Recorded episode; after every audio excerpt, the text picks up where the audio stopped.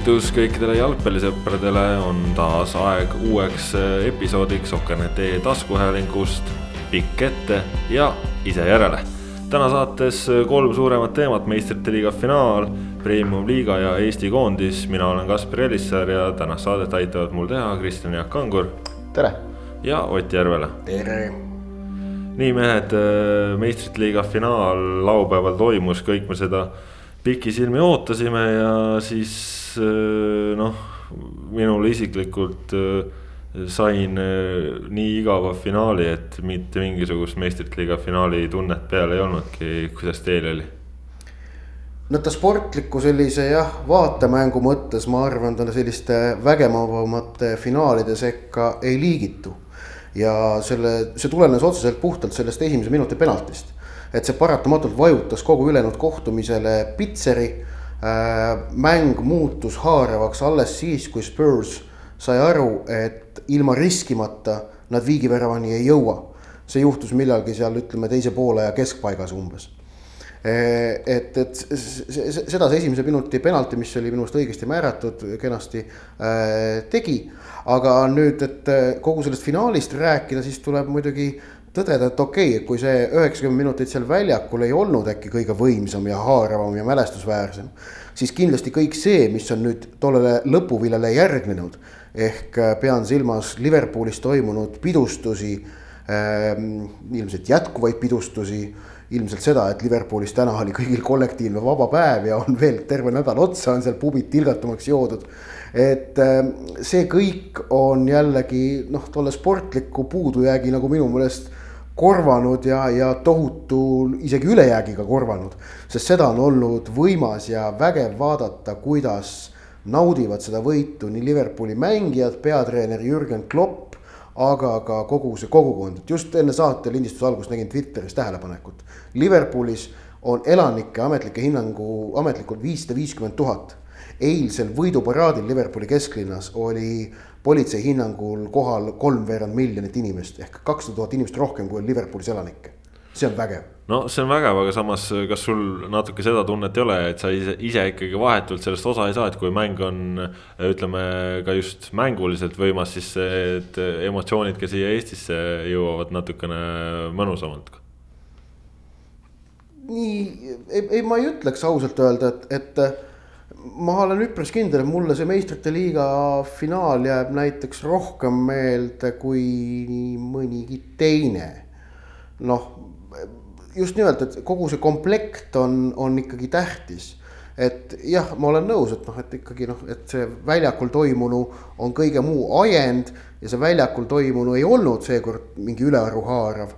aga ma ei näe põhjust kurta ausalt öeldes, sest suures plaanis on see noh, draama ikkagi olnud vägev. Kristjan Jaak, millised sinu emotsioonid sellest finaalist on?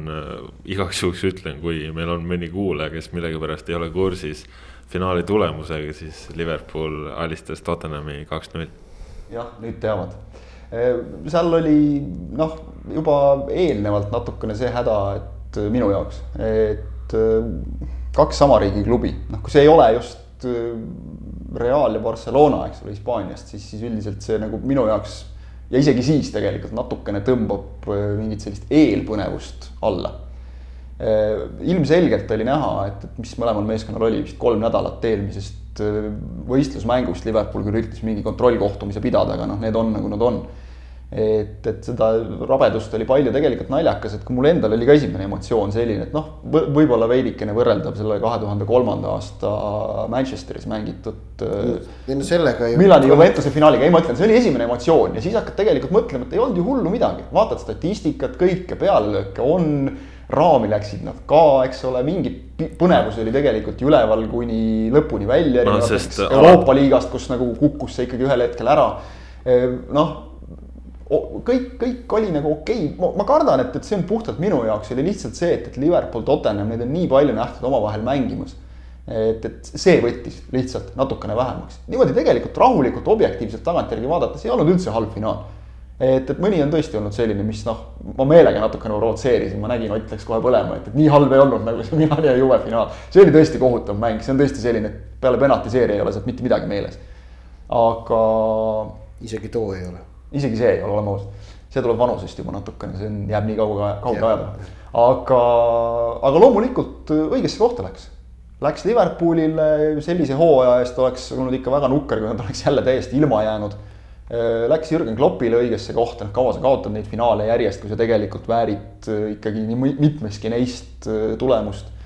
et noh, väga huvitav näha, kuhu Liverpool edasi läheb, see oli päris, päris huvitav mõttekäik, üks, mida ma lugesin, et. et nüüd on Jürgen Kloppil see väga keeruline olukord, et sa peaksid justkui juurde panema selleks, et Manchester City'le ikkagi kannale jõuda.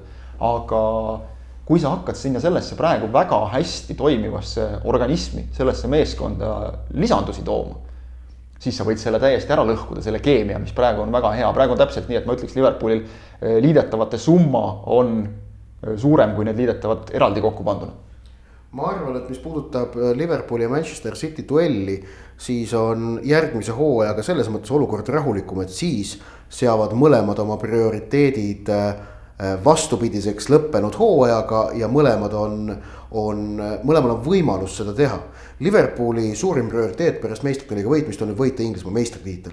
sellepärast, et äh, meistrite liiga on nad selle aja jooksul kaks korda võitnud, korra veel, kaks korda veel finaalis mänginud. Aga Inglismaa meistritiitlit nad pärast üheksakümnendat aastat võitnud ei ole. Äh, see on praegu selle klubi kõige suurem probleem nüüd igasuguse küsimuseta, kõige suurem puudujääk, kõige suurem asi, mis, mis teeb haiget ähm,. peaaegu ainukene asi, mis teeb haiget, nii et äh, kogu Liverpool koondab kogu oma jõu Äh, Inglismaa meistritiitli võitmisesse. meistrite liiga noh, läheb kuidas läheb, ausalt öelda ei ole nende jaoks järgmine hooaeg. Muutub prioriteediks sel juhul, kui Inglismaa meistrisari on mingiks hetkeks untsu läinud. ja Man City vastupidi, kes on kaks hooaega järjest võitnud Premier League'i. ma usun, suhtub järgmisel hooajal Premier League'i mõnevõrra ükskõiksemalt, sest nende jaoks on ainult, loeb nüüd ainult meistrite liiga. noh, muidugi, kui nad sinna saavad, et no meil on üleval veel õhus, et äh, nende, neid diskvalifitseeritakse seoses rahaliste pettustega, aga see on noh, teine teema. nii et ma arvan, et need, aga muidugi on selge on see, et jah, et Man City ja Liverpool kahekesti on Inglismaal praegu endiselt teistest üle. ma ei näe, et järgmine hooaeg keegi neile kannale astuks ning kaks sõna peaks rääkima ilmselt ka Tottenhamist kui teisest finalistist. et kui on huvitav näha, mida teeb Liverpool, siis tegelikult mul on tunne, et, et, et noh, Liverpoolil on rööpad siiski paigas. aga Tottenhamil on, on ikkagi noh, mis nende edasine teekond hakkab olema, see on tunduvalt äh, selline, kuidas öelda, tumedam maa. et me ei tea lihtsalt, kas see klubi suudab hoida koos võistkonda, kas suudetakse kinni hoida peatreenerit, kes on selle võistkonna äh, ehitanud, kas suudetakse seda võistkonda täiendada ja seda kõike on just tingimustes, kus neil on ilmselt maailma parim jalgpallistaadion. No ma Kristjanile veel ütlen ka, et kui ta siin mainis, et see statistika poole pealt oli kõik ilus, siis äh, see statistika koostati seal mängus viimase kahekümne minuti jooksul ehk esimesed seitsekümmend minutit oli ikkagi noh, paras äh, muna veeretamine. tõsi jah, et kui me sageli näeme seda, et kiire värav avab mängu, siis seekord ta tappis ära lihtsalt. sulges ära, jaa. just, just., nagu Ott ütles, et, et täpselt Tottenham ei, noh, oli, kas oli kerge šokis sellest või mis iganes, aga, aga julgust ei olnud neil. kui nad selle julguse leidsid, noh nagu ikka mängu lõpupoole hakkad rohkem riske võtma, siis läks see mäng äh, huvitavamaks, aga, aga Liverpool mängis täpselt nii, nagu neil vaja oli, et, kui siin noh, mõned on hakanud juba rääkima mingisugusest bussi parkimisest, noh lõpetage ära, see, see ei olnud see, see oli normaalne tulemusest lähtuv mäng, finaalides mängitakse puhtalt skoori peale, seal ei ole aega seda mängu ilu taga ajada, see on alati nii olnud ja jääb ka alati nii. Aga meil oli üks mees ka Madridis, Rasmus Voolaid seal seda melu jälgis ja kuulame ka nüüd, mida Rasmus räägib sellest, mis Liverpooli võit Madridis vallandas. mina ise tahtsin minna staadionile, eks ma olin viimase minutini suhteliselt lootsin staadionile pääseda. pool tundi enne avavilet olin staadioni kõrval ja andsime alla ja läksime lähedal asuvasse baari. ja sinna lihtsalt, lihtsalt otsisime publikut, läks mäng, ütleme niimoodi. ja siis ütleme, seal baaris oli, oli palju Liverpooli fänne ja mind ikkagi heas mõttes lolliks, ma ütleks selle kohta. see oli, see oli, noh, see oli, see oli suur hetk ausalt, see oli suur hetk.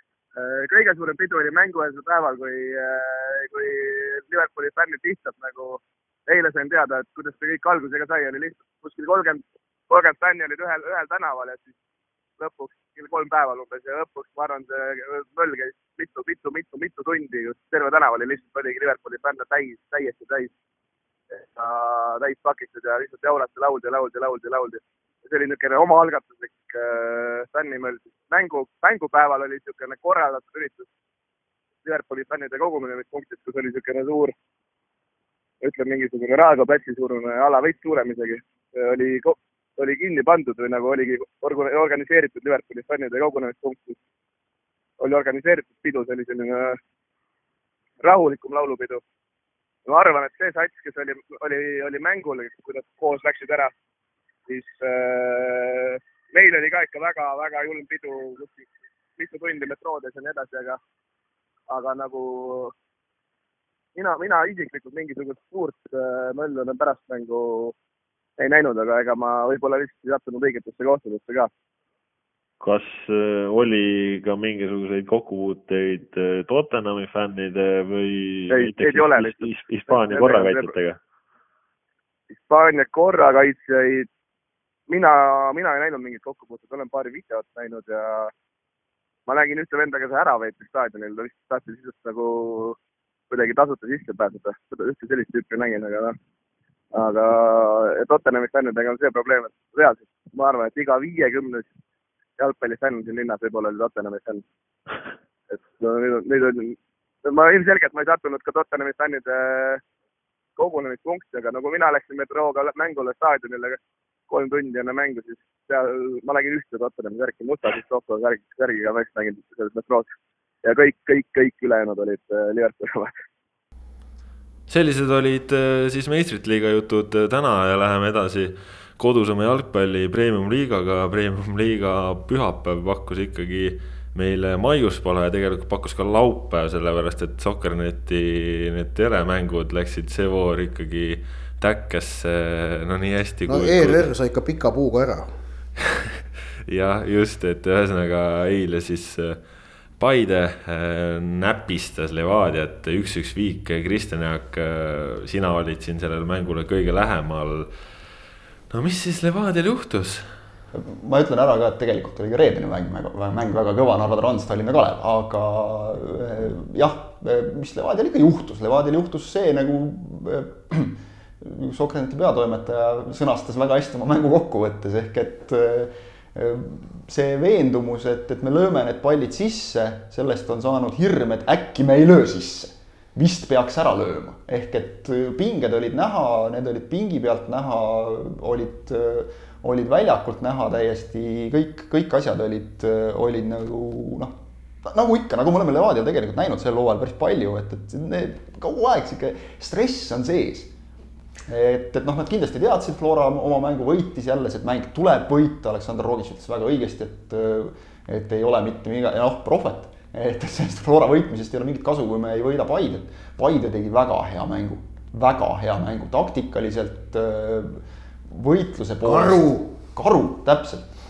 Tarmo Neemela roll täiesti hindamatu roppu musta tööd pidi ta tegema seal Levadia keskkaitsjatega võideldes, väga palju üksinda ees ja siis panna, võtta pall maha, panna selline sööt, nagu ta pani Paide avaväravale. okei okay,, seal oli muidugi väga suur roll ka selles, et äh, Sergei Leppmets hindas, et tema vastu tuleb äh, kiirusega normaalne inimene, ei tulnud, tuli Alassana Jata, kes noh, läbib, äh, ma tahaks panna ta sadat meetrit jooksma, ma tahaks teada, mis ta aeg on. see peab päris muljetavaldav olema Eh, ehk eh, tegelikult see skeem töötas suurepäraselt, okei okay,, Paide jah, lasi endale sealt sellest väravalusest saginast üks-ühe ära lüüa ja, ja läks nii. aga, aga jällegi minu jaoks nagu see Paide, no vägagi ütleme keskpärase kehva mänguga, see, et null-kaks Kaljule kaotati, see iseenesest ei ole probleem, aga see, et noh, mäng läks puusse. ja sealt tulla mõne päevaga niimoodi sellise märkimisväärse väsimuse foonilt, nagu kõikidel meeskondadel praegu on, tulla välja, teha selline esitus müts maha. vaat see on see, mis tõstab minu meelest Paide sel hooajal kõrgemale, kui nad on kunagi enne olnud. mitte see, et, et neil on tabelis palju punkte või et nad suudavad siin Kaljut ja Levadiat üllatada. aga selle meeskonna hing, sisu on midagi hoopis muud jah, Paidet tuleb muidugi kiita, aga ma nüüd räägiksin natukene Levadiast, et ma siin mõtlesin, kuidas sõnastada seda, mis nagu Levadiat käesoleval hooajal vaevab. ja ma ütleksin, et see on, äh, see on probleem energia muundamisel. ehk et äh, energia ja emotsioonide muundamisel ehk et äh, tulemustest, teatud tulemustest tekkinud emotsioone ja energiat ei suudeta õigesti kanaliseerida ja, ja tekitada meeskonnas vajalikku meeleolu. ehk et äh, kui Levadia oli kaotanud Florale oma esimese mängu, sealt oleks pidanud tekkima selline mõnus sportlik viha ähm, millega minna äh, mängule Nõmme Kaljuga, mille nad ka kaotasid üks-kaks. tegelikult tekkis ja tolles mängus Levadia ju mängis algus väga kenasti äh,, eksis penaltiga äh, ja siis läksid asjad tuksi, okei okay. Äh,. noh, veel arusaadav, aga nende kahe kaotuse pealt äh, oleks pidanud tekkima noh, jällegi uus emotsioon, millega minna karikamängule Kaljuga, mille nad ka lõpuks kaotasid seal minu meelest see Levadia emotsionaalne ja, ja õige energia paigas ei olnud ning nüüd nägime me taaskord, kuidas ei suudetud võidust Flora üle, mis oli väga hea võit, hea mänguga võetud võit, ei suudetud sealt saadud positiivset emotsiooni ja sellist energialaksu äh, noh, muundada nüüd uueks heaks tulemuseks,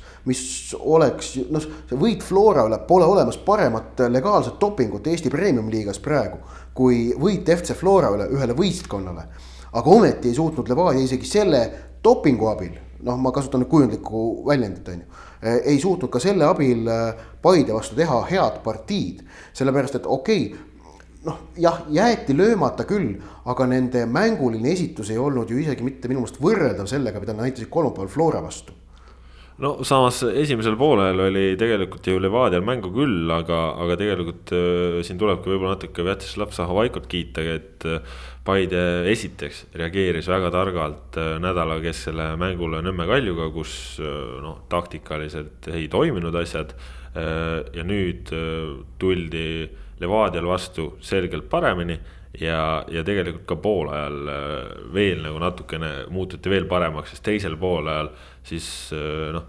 Levadia mäng nagu natukene hangus ja noh, tegelikult kui ma oleks Aleksandr Rogit, siis ikkagi oleks nagu noh, natuke selline nõutuolek, et äh, momente on aga no, no, no ei lähe palli, siis Jevgeni Ossipov, kes oli ju Flora vastu kangelane siin oma juhtväravaga. no ta lõi peaga palli noh, väravast ikkagi puhastades mööda ja jalaga lõi palli tagasi nurgalipu juurde. ta lõi viie minuti jooksul kaks korda väga head positsioonilt küljejoone suunas.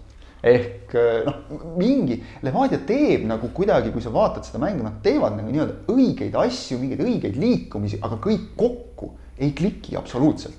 ja Rogis tegi ju tegelikult noh, ütleme võrdlemisi julge käigu poole ajal juba Äh, vahetas sisse äh, Jevgeni Budnikov, võttis äh, Jean-Eto Morelli ära, läks puhtalt nagu kahe ründaja peale ehk tõi jõudu juurde, ei toitnud. ehk et loomulikult siin oli oma osa, oli Paide väga heas mängus ja, ja huvitav, et Paidel tuli see tegelikult see väga hea mäng sellisest olukorrast, kus väga oluline lüli Karl Mööl oli puudu ehk kapten Andrei Frolov pidi mängima parem ja, kaitses. Martin Kase oli ka puudu. Martin Kase ka puudu, just. et sul oli kaks kaitsjat puudu neljast oli, oli kolm seitsmeteist aastast. kolm seitsmeteist aastast kutti, kusjuures peale vaadates küll ei ütleks. ehk et noh, äh, Kristjan Pelt, Joel Kokla ja Henri Välja müts maha selles suhtes, et eriti, eriti just isegi võib-olla okei okay,, Pelt tuli siin noh, eelmise mängu pealt, kus ta sai juba Kaljuga madistada ja on, on mänginud sel hooajal varemgi. ja Välja on noh, võib öelda sel hooajal põhimees olnud aga Kokla, kellel oli kahe, ütleme kahe mängu jagu minuteid all, üks mäng alustatud sel hooajal premium-liigas. supermäng täiesti. ja, ja, ja see, see, et, et Frolovi tõstmine äärele tõmbab sul kohe keskelt ühe väga olulise lüli ära, sa pead ees natukene asju ümber mängima. aga Levadia vastu täpselt see, et, et Neemelo on see mees, kes võtab neid palle, võidab, lükkab edasi ja kaks kiiret äärt. Jan-Maicel Jao ja Alassana Jata toimis, töötas, väga hästi töötas. väga huvitav vaadata, mismoodi see Havaika nüüd järgmistele mängudele läheb, et seni ta on mänginud keskväljal selle rombiga alati, kui vähegi võimalik. kas ta nüüd vaatab selle plaanis, selles plaanis natukene üle asju? no Zahhovaiko minu meelest on näidanud, et ta on äh, eriti sel hooajal, et ta on vägagi valmis ikkagi tegema noh, taktikalisi muudatusi. ja ta suudab võistkonda selleks konkreetseks mänguks tolleks taktikaga äh, ette valmistada, okei okay,, vahest võib see plaan untsu minna, nagu juhtus Nõmme Kalju vastu. aga see plaan on alati nagu väga selge olemas ja võistkond on selle plaani jaoks ette valmistatud. ehk et see nagu paistab praegu olevat kindlasti üks Havaiko väga suuri tugevusi ja trumpe. ja võistkond on ka sel hooajal selliste plaanide elluviimiseks hästi komplekteeritud see töö algas juba talvel tegelikult no., eelmistel hooaegadel oli kogu aeg probleem, et keegi kuskilt lappis, mingi mees mängis mingil positsioonil, mis ei ole tema koht nüüd on väga hästi sellega. ja nüüd Paidet ootab koondise mängu järel, koondise pausi järel seeria, kus nad mängivad esmalt kodus tuleviku ja Kuressaarega, siis võõrsil Maarduga. ehk et noh, ütleme nii, ootus sellest seeriast on kindlasti üheksa punkti. ja ma olen üpris kindel, et seal e esikolmik selle ajaga noh, nad mängivad seal omavahel ka natukene, nii et sealt tulevad punktikaotused ehk et noh, teiseks vaevalt, et Paide tõuseb, aga ilmselt on jaanipäevaks Paide tabelis kolmas jah, ja üks äh, Paide vastane, kelle sa nimetasid, Viljandi tulevik, äh, no tulevik ikkagi teeb oma mängu. laupäeval alistati võõrsil Tartu Tammeka ja, ja kuigi noh, tõin ka ise eelvaates välja sellise huvitava mustri, et, et seda Tammeka mittevõitmist oli juba enne avavilet teada, siis noh, üllatuslikult nii ka läks ja, ja no Tammeka on viimasel kohal ja nagu Tauno Teko ütles, siis asjad on ikkagi halvasti. kas siit tuleb mingisugune tõus veel, Ott, mis sa arvad? ja tuleb, ma arvan, et kuuendat kohta Tammeka, tegelikult võib veel isegi kuuendat kohta püüda. et aga noh, selge on see, et ilmselt noh, nemad, miks ma pakun ikkagi tulevik Kuressaaret, Kalev ilmselt on vist üheksanda koha trendil liikuv. ei, aga ma olen väga kindel, et Tammeka tegelikult tõuseb sellest, et, et seal me ei saa rääkida noh, ta otseselt nüüd ikkagi taseme puudumisest, vaid minu meelest on tegemist pigem nagu selliste sportlike ebaõnnestumistega. loogika ütleb, et kuna taseme puudumisega tegu ei ole, siis see sportlikud ebaõnnestumised mingil hetkel õnnestub likvideerida ja noh, Tammeka ei ole ju, nad ei saa ju mingeid pakke või nad ei jää nagu vastasele selgelt mänguliselt alla, neil on seal noh. Eh, praegu on see, kõik, kõik detailid kipuvad nende jaoks nagu nihu minema. aga noh, detaile on võimalik parandada. Eh, keset hooaega pole võimalik parandada selliseid eh, suuri süsteemseid struktuurseid probleeme mida minu meelest on praegu näidanud see, et noh, Maardu linnameeskond ei ole ikkagi premium-liiga jaoks noh, valmis ja ta ei ole, ta ei paku ka premium-liigale suurt mingit sellist nagu midagi juurde. erinevalt Tammekast ja Kuressaarest ja Kalevist ja kõigist teistest. no Tammekal praegu natukene tundub, et seoses vigastustega on ikkagi puudu ka nagu mängulistest liidritest, kes no, asja enda peale võtaks. rääkisin Kaarel Kiidroniga selle oma selle ennustusvõistluse eh, rubriigi jaoks, kui tema ütles, et äh, et noh, kõik on tegelikult praegu kinni selle taga, et Reio Laabust ei ole, et Reio Laabus on dirigent keskväljal, kes muudab kõik tema ümber olevad mängijad paremaks. et noh, niimoodi defineeris noh, Tammeka legend ja Tammekat noh, väga hästi tundev Kiidr on selle probleemi. aga noh, siin õnneks tartlastel hea uudis, et Reio Laabuse naasmine ei tohiks enam mägede taga olla.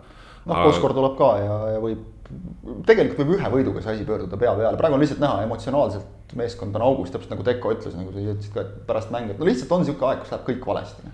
ja, ja noh, samas jällegi noh, ütleme okei okay,, tabelis on viimane koht, aga midagi ju nii mustades toonides selles mõttes ei ole, et noh, kui nad oleksid laupäeval võitnud, oleks olnud tabelis seitsmendad. ehk siis vahed on seal väiksed ja kes. koondise pausi järel ootavad mängud Kuressaare ja Kaleviga, sealt vähemalt neli punkti ja noh, olukord on hoopis parem jah, aga see nõuab kindlasti pingutust, sest ja, äh, ka Tallinna, Tallinna Kalev äh, siin hakkab oma loogu koguma. vaikselt hakkavad püssid paukuma saama ja tundub, et Hannes Anier ka, kes on oma vigastused selja taha jätnud, järjest enam lisab Kalevile neid käike juurde. reedel siis Narva Transiga börsil viigimäng ja no, no. Äh, vend tuli kaugelt maalt vaatama, peab endast hea mulje jätma, eks ole selles mõttes, aga ei, äh, Anier tõuseb vaikselt vormi, ärme unustame, et tal jäi ju tegelikult hooaja ettevalmistus korralik tegemata, et see on täiesti selge, et, et äh, noh, ei saanudki mees kohe tulla ja paugutama hakata. minu meelest Kalevi jällegi ka isegi noh, ütleme komplekteeritus siin on, kuigi siin on tegelikult väga palju lihtsalt võetud oma noored poisid on, on üsna paigas, Aleksandr Dmitrijevil on äh, usk meeskonda.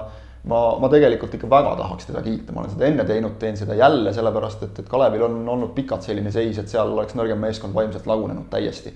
Ma arvan, et treener on seda punti koos hoidnud oma rahulikkusega, oma sellise enesekindla usuga, et, et see, mida me teeme, see hakkab toimima.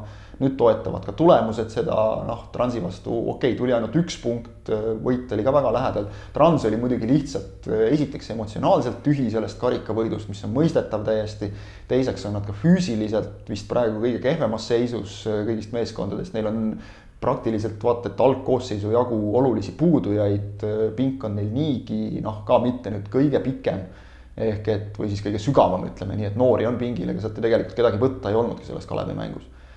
ehk et, et noh, viik oli selles kohtumises loogiline tulemus, aga, aga kui ma näiteks nüüd praegu panen kõrvuti Kalevi ja Maardu ja kui mul praegu palutakse ennustada, et, et kumb neist püsima jääb, siis ma valin iga kell Kalevi, sest et seal on mingisugune plaan, siht, noh, eks Maardul on ka aga Maardu mäng Nõmme Kaljuga näitas seda, et, et ikkagi enamik meeskondi ka tabeli tagumises otsas läheb ka tippude vastu meil väljakule selle mõttega, et, et me suudame küll, kui meil on hea päev ja võib-olla neil kõik ei klapi, suudame. alustatakse usuga, Maardul minu meelest seda usku ei ole ja, ja see tegelikult äh, maksab neile sellistes mängudes ülivalusalt kätte. kas selle Transi ebaõnnestumise võib panna lihtsalt sellise kariku pohmeluse arvele? Noh, see ja nagu ma ütlesin, ikkagi need vigastused, neil on kõikidest liinidest väga olulised mehed puudu, et, et on äh, noh, võib-olla isegi kõige suurem puuduja oli Iri, kes, kes jääb sageli mängudes justkui natuke märkamatuks, aga ta on ikkagi seal keskel väga oluline dirigent ja, ja Transil oli jälle see klassikaline häda, et ära ei lööda. on, ongi kõik tegelikult, ega ei olegi rohkem rääkida ja kaks siis teist klubi, suuremat klubi, kelle mängud on puudutamata, Flora ja Nõmme Kalju, nemad siis said nädalavahetusel mõlemad kindlad võidud, ühes siis mängus pühapäeval Saaremaal näitas oma klassi taas Konstantin Vassiljev, kes hiilgas ja, ja teises mängus laupäeval näitas oma klassi lõpuks ometi Lilju. Ott, kas äh, nüüd on äh, Lilju tagasi? Lilju on löönud oma premium-liiga väravad Tammekale ja Maardule, mis on premium-liiga tabeli kaks kõige viimast võistkonda. ootame, kuni ta mõnes tippmängus ka lööb. noh, karikafinaalis ühe lõi, aga üldiselt. Premium-liiga. jah, just, just. Me ju tegelikult eeldasime ka pärast seda, kui ta Tammekale kaks tükki lõi, et noh, isegi kirjutasime vist, et nüüd sai püssi paukuma, ei midagi, paukpadrunid olid sees jälle, et noh, Maardu lihtsalt jättis talle ka tohutult palju tegutsemisruumi, mingil hetkel ta lõi kaks tükki kiirelt ära siis oli tal endal juba selline väike lisamotivatsioon, et saaks kübara kirja. ehk et ma sellest mängust mingeid suuri järeldusi ei teeks, Maardu oli, oli selgelt ka omadega füüsiliselt teiseks pooleks juba täiesti läbi lihtsalt sellest ka graafikust, neil ei ole ju noh, praktiliselt pinki üldse.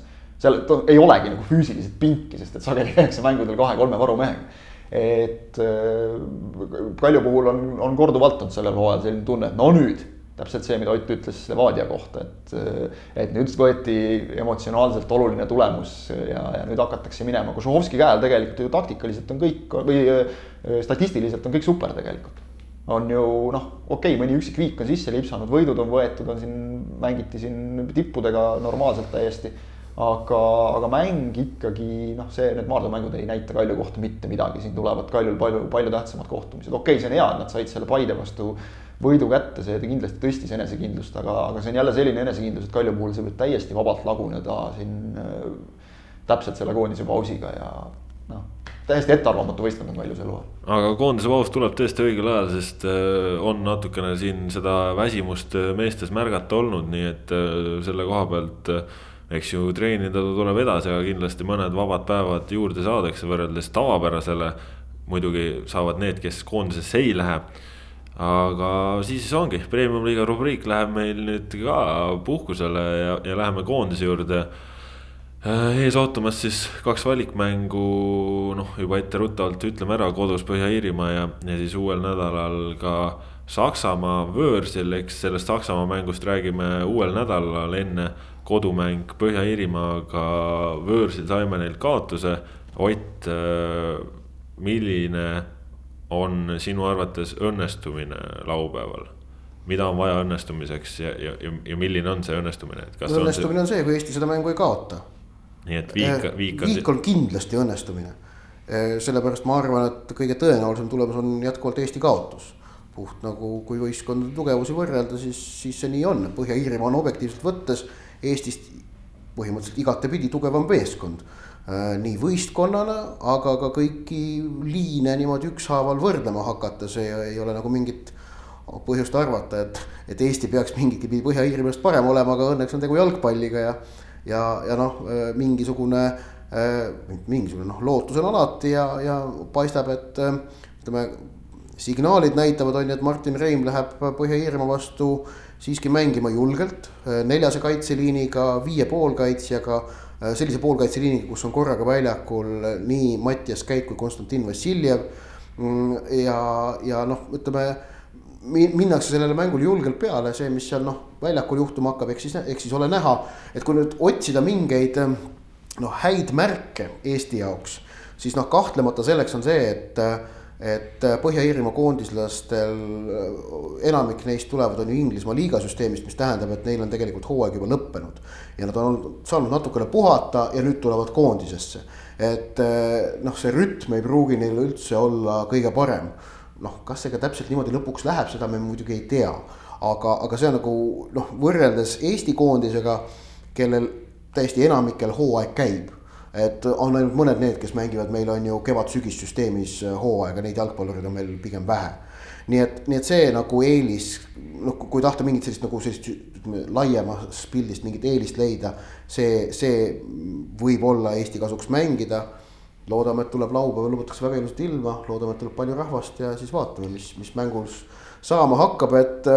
et ma usun ka seda, et, et Eesti meeskonnal on selline, kuna kodupubliku ees on vaata mängitud viimati oktoobris on ju, see Ungari mäng, pärast seda polegi mängitud ja.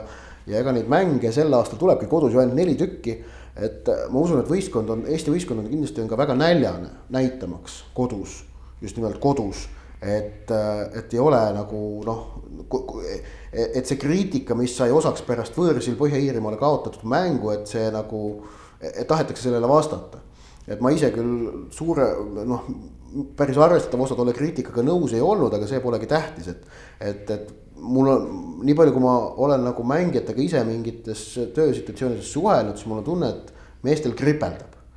ja noh, see on selles mõttes nagu selline hea kripeldus, mis nagu innustab aga üks asi veel, Ott, küsin sinult arvamust selle kohta, et Eesti koondise senine kapten Ragnar Klavan siis otsustas Martin Reimi kutsest loobuda. milliseid mõtteid see sinus tekitas? kui me ei oleks väikene jalgpalliriik Eesti, kellel on mm, Euroopa selgel tipptasemel ehk et top viis liigades mängimas ainult üks jalgpallur Äh, siis ei oleks see otsus pälvinud üldse niivõrd palju tähelepanu. sellepärast see, et, et kolmekümne kolme vist, kolmekümne kolme aastane äh, keskkaitse, kellel on selja taga ülimalt äh, raske hooaeg selles mõttes, et noh, kaks tõsist vigastust selle hooaja jooksul olnud. ja otsustab suve alguse koondise aknast loobuda suures jalgpalli kontekstis ei ole selles mitte midagi erilist.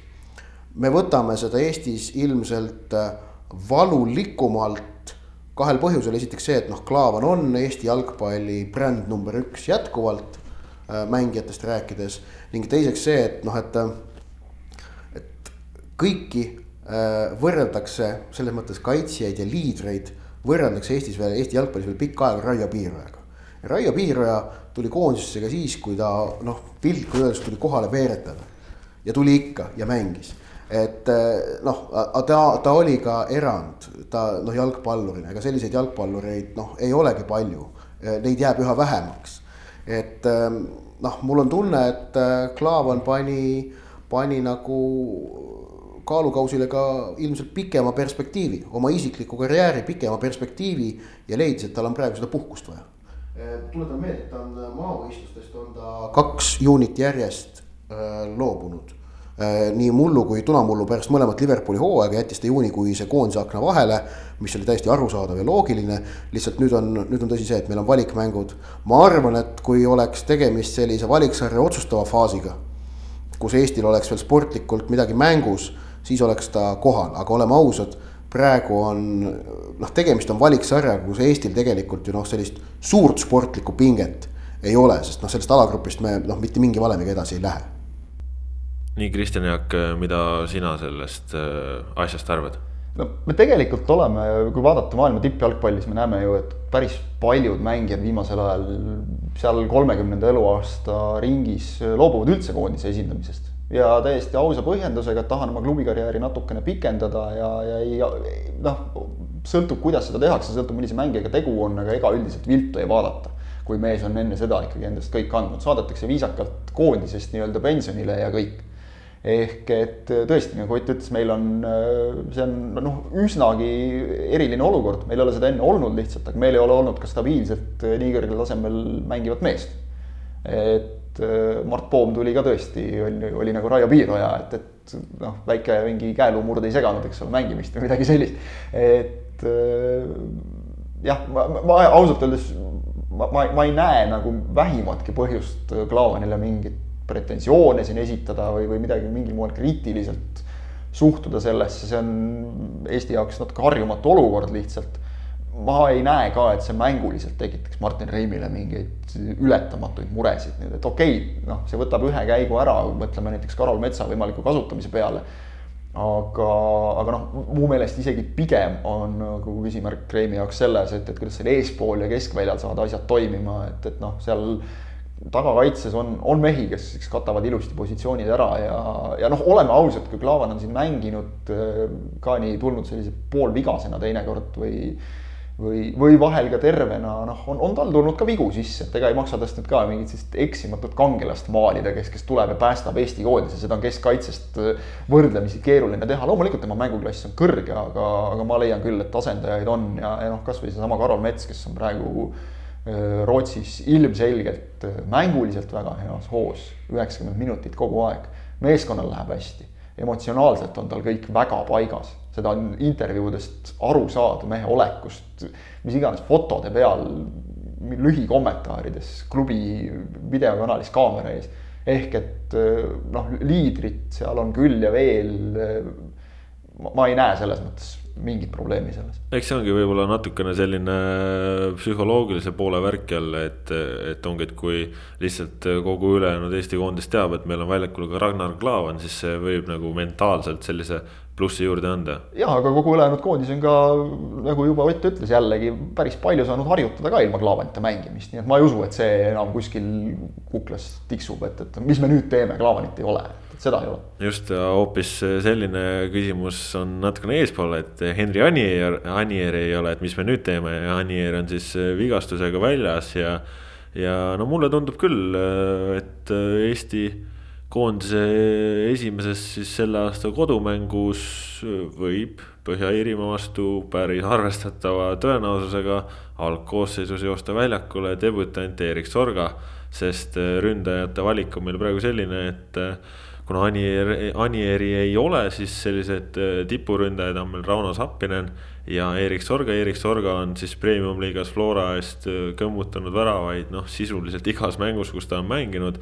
Rauno Sappinen äh, alustas küll Hollandi esiliigas väga hästi, aga aga paraku selle aasta numbrises on, on see mänguaeg natukene nirumaks jäänud, sest seal toodi talle üks väga kõva konkurent ja, ja pole ka neid väravaid tulnud, mis on see nagu teine valuuta ja. ja just arvestades seda noh, Põhja-Iirimaa mängu olemust, seda, kuidas noh, me täiesti kindlalt ju mängime Põhja-Iirimaa mängu ja Saksamaa mängu taktikaliselt väga erinevalt, siis Äh, on väga, ma arvan, ma arvan küll, et on väga suur tõenäosus, et Sorga võib siit selle debüüdi saada, muidugi võib ju tipuründesse panna ka noh, näiteks Sergei Zenjovi.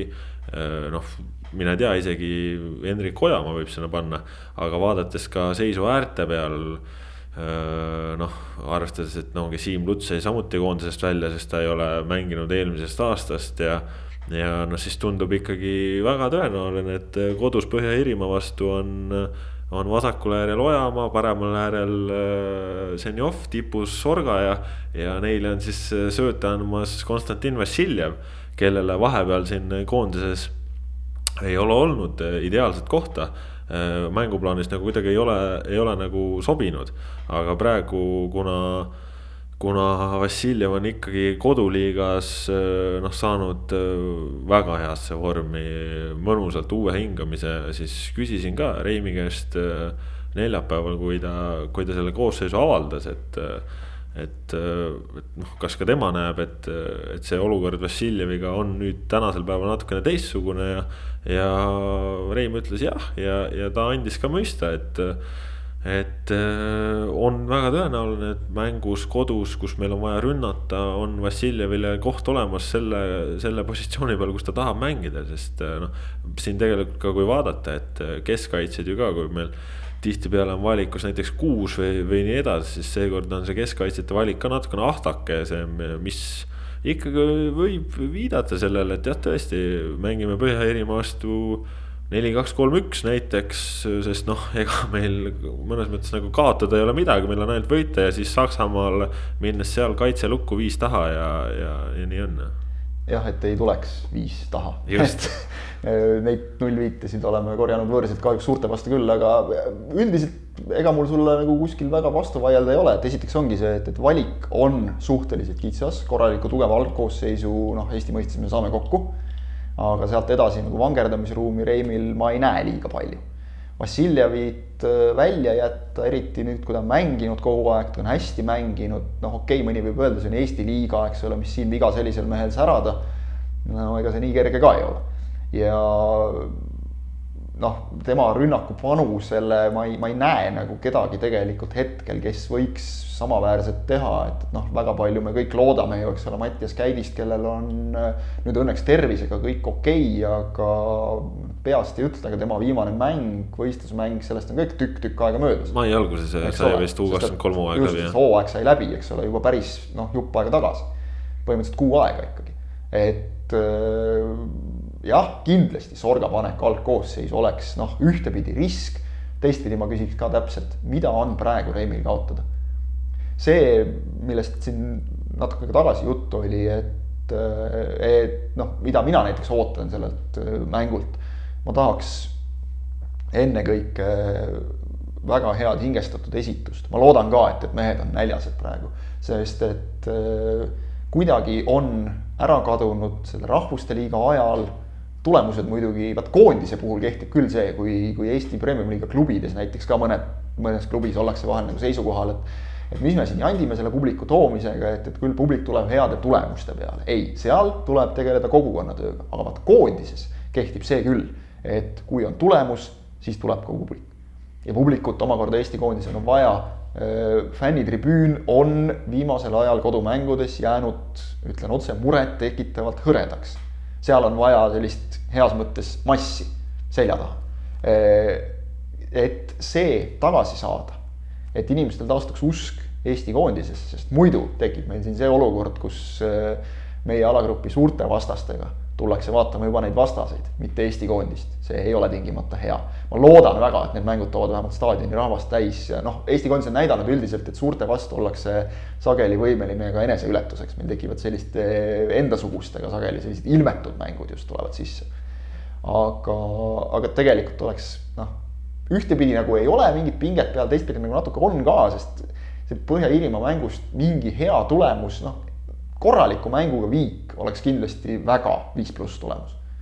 kui me sealt midagi kätte saaksime, kaotus jääb kaotuseks, midagi ei ole teha, aga ma ennekõike tahaks näha, et, et sealt tuleb üks, üks korralik hingestatud mäng. ja, ja teistpidi tõesti, kui me vaatame seda valiksarja, vaatame Eesti koondise hetkeseisu, mida on Martin Reimil kaotada? ega ei olegi, mina loodan küll, et äh, minnakse täiega võidu peale ja see võit saadakse ka kätte, mis publikut puudutab, siis ju äh, tuli ka siin äh, sihuke tore uudis, et et tuhat last, kes äh, ei ole võib-olla kõige paremas seisus oma elus või, või kellel on olnud raskem, et äh, sihuke heategevusprojektiga tuhat äh, sihukest noort last tuuakse staadionile ja kingitakse neile selline ainulaadne kogemus, nii et loodame, et Eesti koondis äh, suudab neile ka hea tulemuse pakkuda. aga jah, kui veel siin natukene koosseisu kohta põgusalt midagi mainida, siis noh, tõesti kolm debutanti lisaks mainitud Erik Sorgale ka Vlasi Sinjavski ja, ja Vladislav Kreida ja, ja noh, ma arvan siin selle kolmiku puhul on küll, et no isegi kui Sorga ei peaks alustama Põhja-Iirimaast, siis noh, Sorga on ikkagi kõige tõenäolisem äh, mängija, see, kes saab nagu minuteid, et äh, siis tõenäoliselt äkki Sinjavski ja, ja siis, siis tuleb Kreida. no Kreidal ütlen ausalt, ei näe varianti platsile saada, tema saab praegu kogemust ja, ja mees, kes alles premium-liigas teeb ka esimest hooaega, sellist korralikku hooaega, siis täishooaega. Siis äh, on see täiesti okei okay., et, et tema jaoks see koondise kutse on väike avanss, väga vajalik kindlasti. Sinjavski vahetusest jällegi vaadates meie valikuid, igati loogiline, et võib sekkuda kui on rünnata vaja. no samas näiteks ma arvan, a la Mark-Oliver Roosnup on temast ees näiteks. kindlasti jah, Roosnup on kindlasti juba puht kogemuse pealt ja, ja, ja noh, võib-olla ma isegi julgeks öelda, et mingil määral ka klassiga natukene ees ja võib-olla ka mängija tüübilt veidikene sobivam, et noh, kui me mängiksime mingi outsideriga, võib-olla siis, siis oleks isegi Sinjavskil ehk äh, suurem šanss saada peale, aga tal on täiesti mingi võimalus olemas saada vahetusest sisse Eh, mis seda Sorga küsimust veel puudutab, siis ikkagi jah, noh, tunduks nagu loogiline, et ikkagi Zappinen kogenum mees natukene, kuigi ega tal ka seda koondise kogemust liiga palju ju ei ole, ta on siin mitu korda jäänud viimasel hetkel eemale. kui oleks tegelikult olnud just tema koht ja tema aeg võib-olla ja tema võimalus, aga mängija tüüpe vaadates ja vaadates seda, et, et Sorgas on sellist äh, eriti nüüd võib öelda, sel hooajal on näha, et, et ta on selle väga hästi kuidagi kontrolli alla saanud, sellist elutervet nahaalsust. kuradile kõik, mina lähen ja teen et äh, ma kujutan ette sellises mängus, kus sa hakkad saama igasugustelt äh, Põhja-Iiri kollidelt pauke paremalt ja vasakult, seda on vaja väga hädasti. ja, ja füüsise poolest ka noh, ma, ma eelistaks ise Sorgat, ma, mind ei üllataks ka absoluutselt see, kui Reim alustab ikkagi Zappininiga ees ja Sorga tuleb mingil hetkel vahetusest. aga, aga jällegi ma, ma ei näe, mida tal oleks selle Sorga tippu panekuga otseselt kaotada. ma arvan näiteks, et Zappinen alustab äh, päris kindlalt mängu Saksamaa vastu, sest äh, Just. seal, seal on, ütleme, et Zappinen mängib kehaga oluliselt paremini kuigi ta ei ole ju pikka kasvu, siis ta suudab väga hästi oma tasakaalu valitseda. ja ma arvan, et seal Saksamaa vastu tolles taktikas, ma arvan, on ta noh, parim lahendus praegustes oludes, samas just vastupidi. Põhja-Iirimaa vastu ma arvan jah, et võiks Sorga saada oma šansi. ka seda maksab arvestada just täpselt, et noh, loomulikult meeskond läheb ühte mängu korraga mängima, aga, aga et siin mõned mehed teeksid üheksakümmend, noh, lihtsalt on, on mõistlik natukene jaotada seda, seda koormust, ehk siis üheksakümmend pluss üheksakümmend mis muidu veel puudutab seda, seda hea, et sa välja tõid selle laste mängule toomise teema, et, et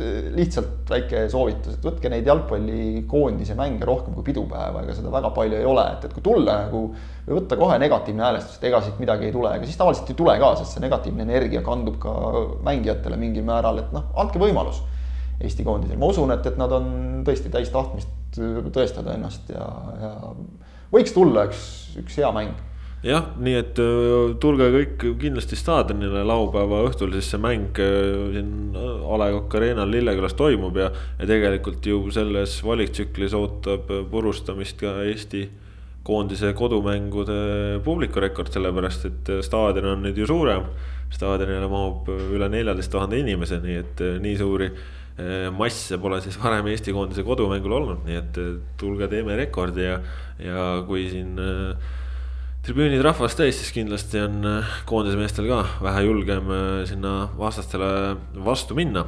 aga vot, selline oli seekordne saade, pikk ette ja ise järele, et aitäh, et olite meiega täna saat-, tänases saate tõid teieni. Kaspar Elissaar, Kristjan Jaak Kangur ja Ott Järvela.